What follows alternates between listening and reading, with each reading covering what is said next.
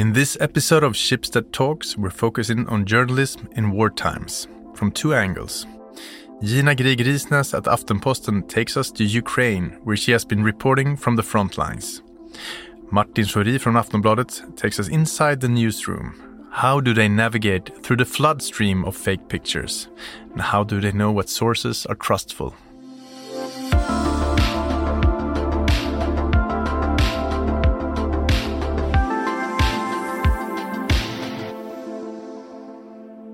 Our newspapers have been covering the escalating war in Ukraine closely, and we have reporters on the ground. But it's hard to guarantee their safety. Just the other day, a journalist working for the New York Times was killed outside of Kiev. Gina Grieg Risnäs is a journalist at Aftenposten. She was reporting from the trenches in eastern Ukraine when suddenly things started to explode. This was five days before the invasion, but the eastern part of the country was very much the place where things were happening. So at first we went to this village called Novoluhansk, which is very close to the front line, just about five minute drive. And we stopped there and we talked to the locals who told us that they had heard more shelling recently, which was strange for them, even though they had lived close to the to the contact line for years. So they were starting to feel that something was was changing uh, in the east. And then we drove with the interior minister to the trenches, which was, as mentioned, about five minutes away from this village. And then it was five minute walk from our car to the trenches. And when we walked down there, we had to go on a very specific path because on both of the fields we were walking in between there were mines and there were like danger signs don't go there because because of the mines and it was quite a a big trench because obviously when you see it from the outside, it seems quite small. It just looks like this wooden hut. But when we walked in, they had dug out these long hallways in the mud. Uh, so we just followed that to the to the end of the trench where they had put up this small window where we could sort of gaze upon the, the front line. And I stood there by the window talking to a soldier who was pointing out the window and sort of saying, Look there. And as I was trying to see what he was pointing at, we just heard this boom. And everybody just sort of stopped up for a couple of seconds and quickly realized that what we were hearing was shelling, which isn't unusual when you're at a front line and in, a, in the trenches. But then we heard another boom, and the soldiers there just told us to get out. But we were quite a lot of people in there, so we just had to get to the to the door as fast as possible. And I remember running past this soldier as we were, leaving the trenches, who just looked at me and smiled and said, "Danger." So we started sort of speed walking back to the car, and the shelling just kept on hitting, and it was becoming closer and closer, so we could see the smoke from the field we were walking walking past I think at the closest it hit about 100 meters away from us. Not that close, but the problem was that the shelling was hitting on both sides of the path we were walking on. So we couldn't know if it would just hit in the middle of where we were at the moment. But yeah, we made it back to the car and just had to drive away from there as quickly as possible. And it was sort of eerie afterwards because later that day, a soldier, another soldier was killed by the front line, and two days later, a civilian in that village was also killed from shelling. What was going through your mind then? Be just be calm, really. Um, we were surprised by the situation, but at the same time not because we went to a to a front line to the trenches, so you can't really be surprised when there is actually shelling happening. But of course, it's it is scary. But if you sort of panic and let that fear take over, that's really the most dangerous thing.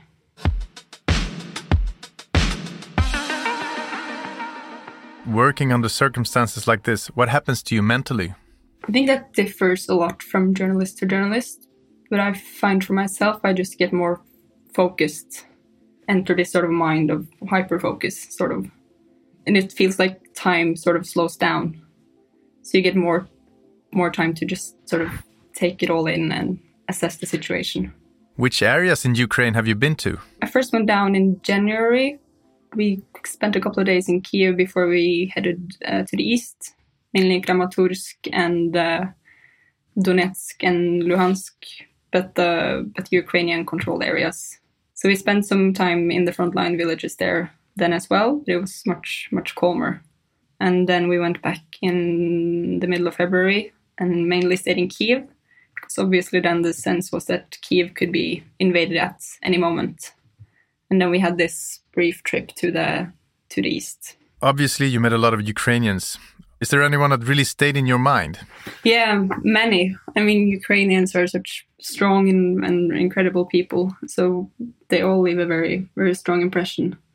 When we were there in January, we were covering these locals in Kiev who were training to become sort of guerrilla fighters. Uh, they were part of this group called uh, Territorial Defense Groups. So they were basically getting ready to defend the capital in case there was an invasion and more important, more people had joined these groups when we went to cover it. And one of those was this 61 year old man. He had become a grandpa just a couple months prior, and now he wanted to take up arms to, to defend his family.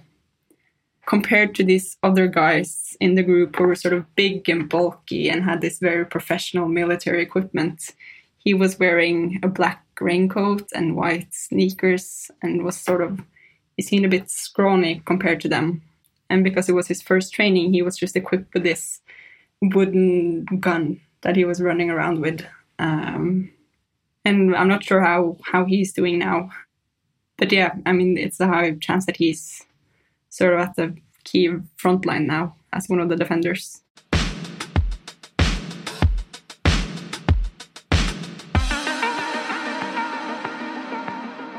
As a journalist watching the pain and despair that comes with a war, is it possible to stay objective? I mean, we're journalists, but we're also human beings. So I think it's impossible to not be affected by the by the people you meet, especially in these kinds of, of situations. But even though we are affected by it, it's definitely possible to stay objective, and and I believe we do that as as best as we can. So does Schibsted provide any sort of help for the journalists on the ground? Yeah, we had a really good team from Aftenposten and Schibsted who were uh, following us uh, when we were in U Ukraine now and helped us with just getting as much intel as possible. A lot of different competence. What's sort of unique about the way it was done now was that Aftenposten and, and VG teamed up and had this emergency room together where they shared information and intel to best help us out where we were. There was a lot of different competence in that room. It was our bosses and uh, and uh, people from HR who were contacting our families to make sure they were felt like they were being taken care of.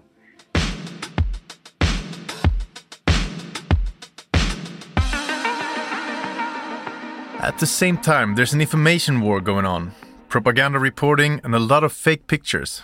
Martin Schori, deputy editor at Aftonbladet. Yeah, absolutely. That comes in every war, in every conflict. Uh, you'll have, uh, oh, this is from Kiev uh, yesterday, and look at you know the the massacre uh, the Russians have conducted, or vice versa, and then you know the footage is, is from Syria or Israel or some other. So the fake news come from both sides, both cyber warriors from Russia and pro-Ukrainian hacktivists. Yeah, I'd say that, and I mean you have seen a lot of photos of uh, Zelensky, the Ukrainian president, sitting uh, around the table or walking around in the city with um, dressed all up in uh, military clothes, and I he has been doing that, but a lot of those pictures are also old from taken long time ago. How do you spot a fake picture? Is there a procedure?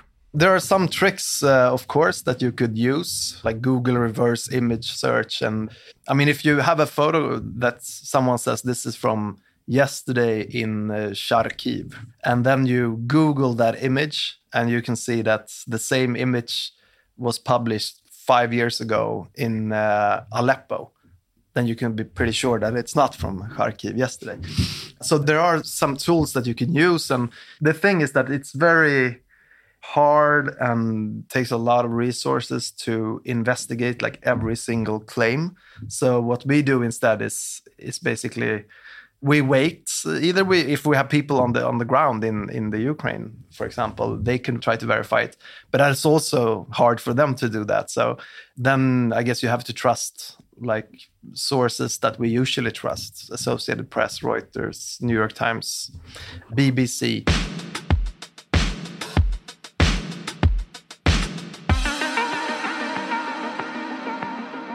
Has Aftonbladet published any fake news? I don't think we have, but there are examples of propaganda. Uh, I mean, the Ukrainian military, for example, and different branches, they will release footage of uh, them like bombing a, a, Russian convoy, for example.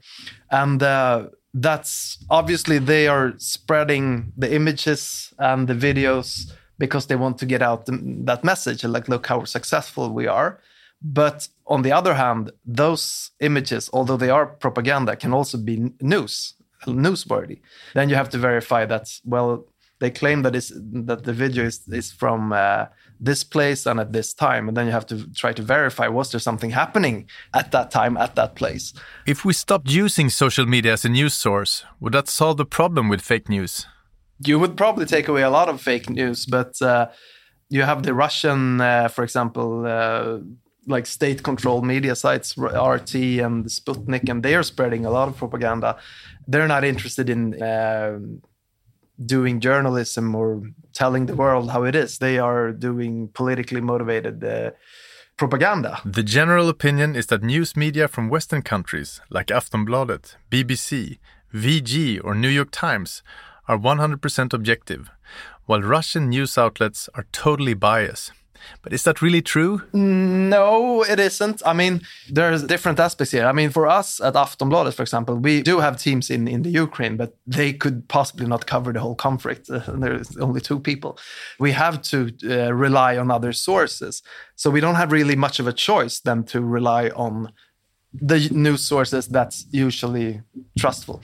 Another uh, important thing is that sometimes we, we make mistakes and everybody makes mistakes. And whenever there's a conflict or uh, if there are elections and like authorities and media will tell people you have to be critical to sources and you have to do this and this and this but it's that's too much. I mean every single person and every citizen can't like investigate every claim. They too have to try to rely on on sources that are usually trustful i would say. But um, you've seen in the recent years some Americans news outlets, I would say that we used to rely a lot on, like CNN. They have been politicized as well, I would say. Has fake news made it harder for the journalists? Absolutely, um, because there's so much information and you're flooded, and it's all these like really spectacular things uh, and pieces of information all over. And I always uh, tell other people uh, again, I don't think that it's up to every single citizen to sit and, you know, they would spend their whole days and nights uh, just investigating claims on social media. That's not a way to move forward. But I would always say that if you see something that's really like spectacular on social media and then you you wait a little bit, you wait a couple of hours a day and none of like the New York Times, the BBC, Aftonbladet for that matter, have uh, published it. It's a pretty big chance that those claims are not true. Another thing, if you see something maybe on Facebook, you click on a link, you come to a website that is has like really weird ads, like only like Viagra ads or sex ads, and there's like no bylines. Uh, there's no like real people there, like no no one to contact. They don't have a masthead then uh, you should probably be a bit more skeptical than if you see you come to a website that has like ads from big brands. They have uh, a masthead like this is the editor in chief and here's the phone number like so it's uh, and that's easier obviously to be conduct source criticism when it comes to news outlets than to every single piece of information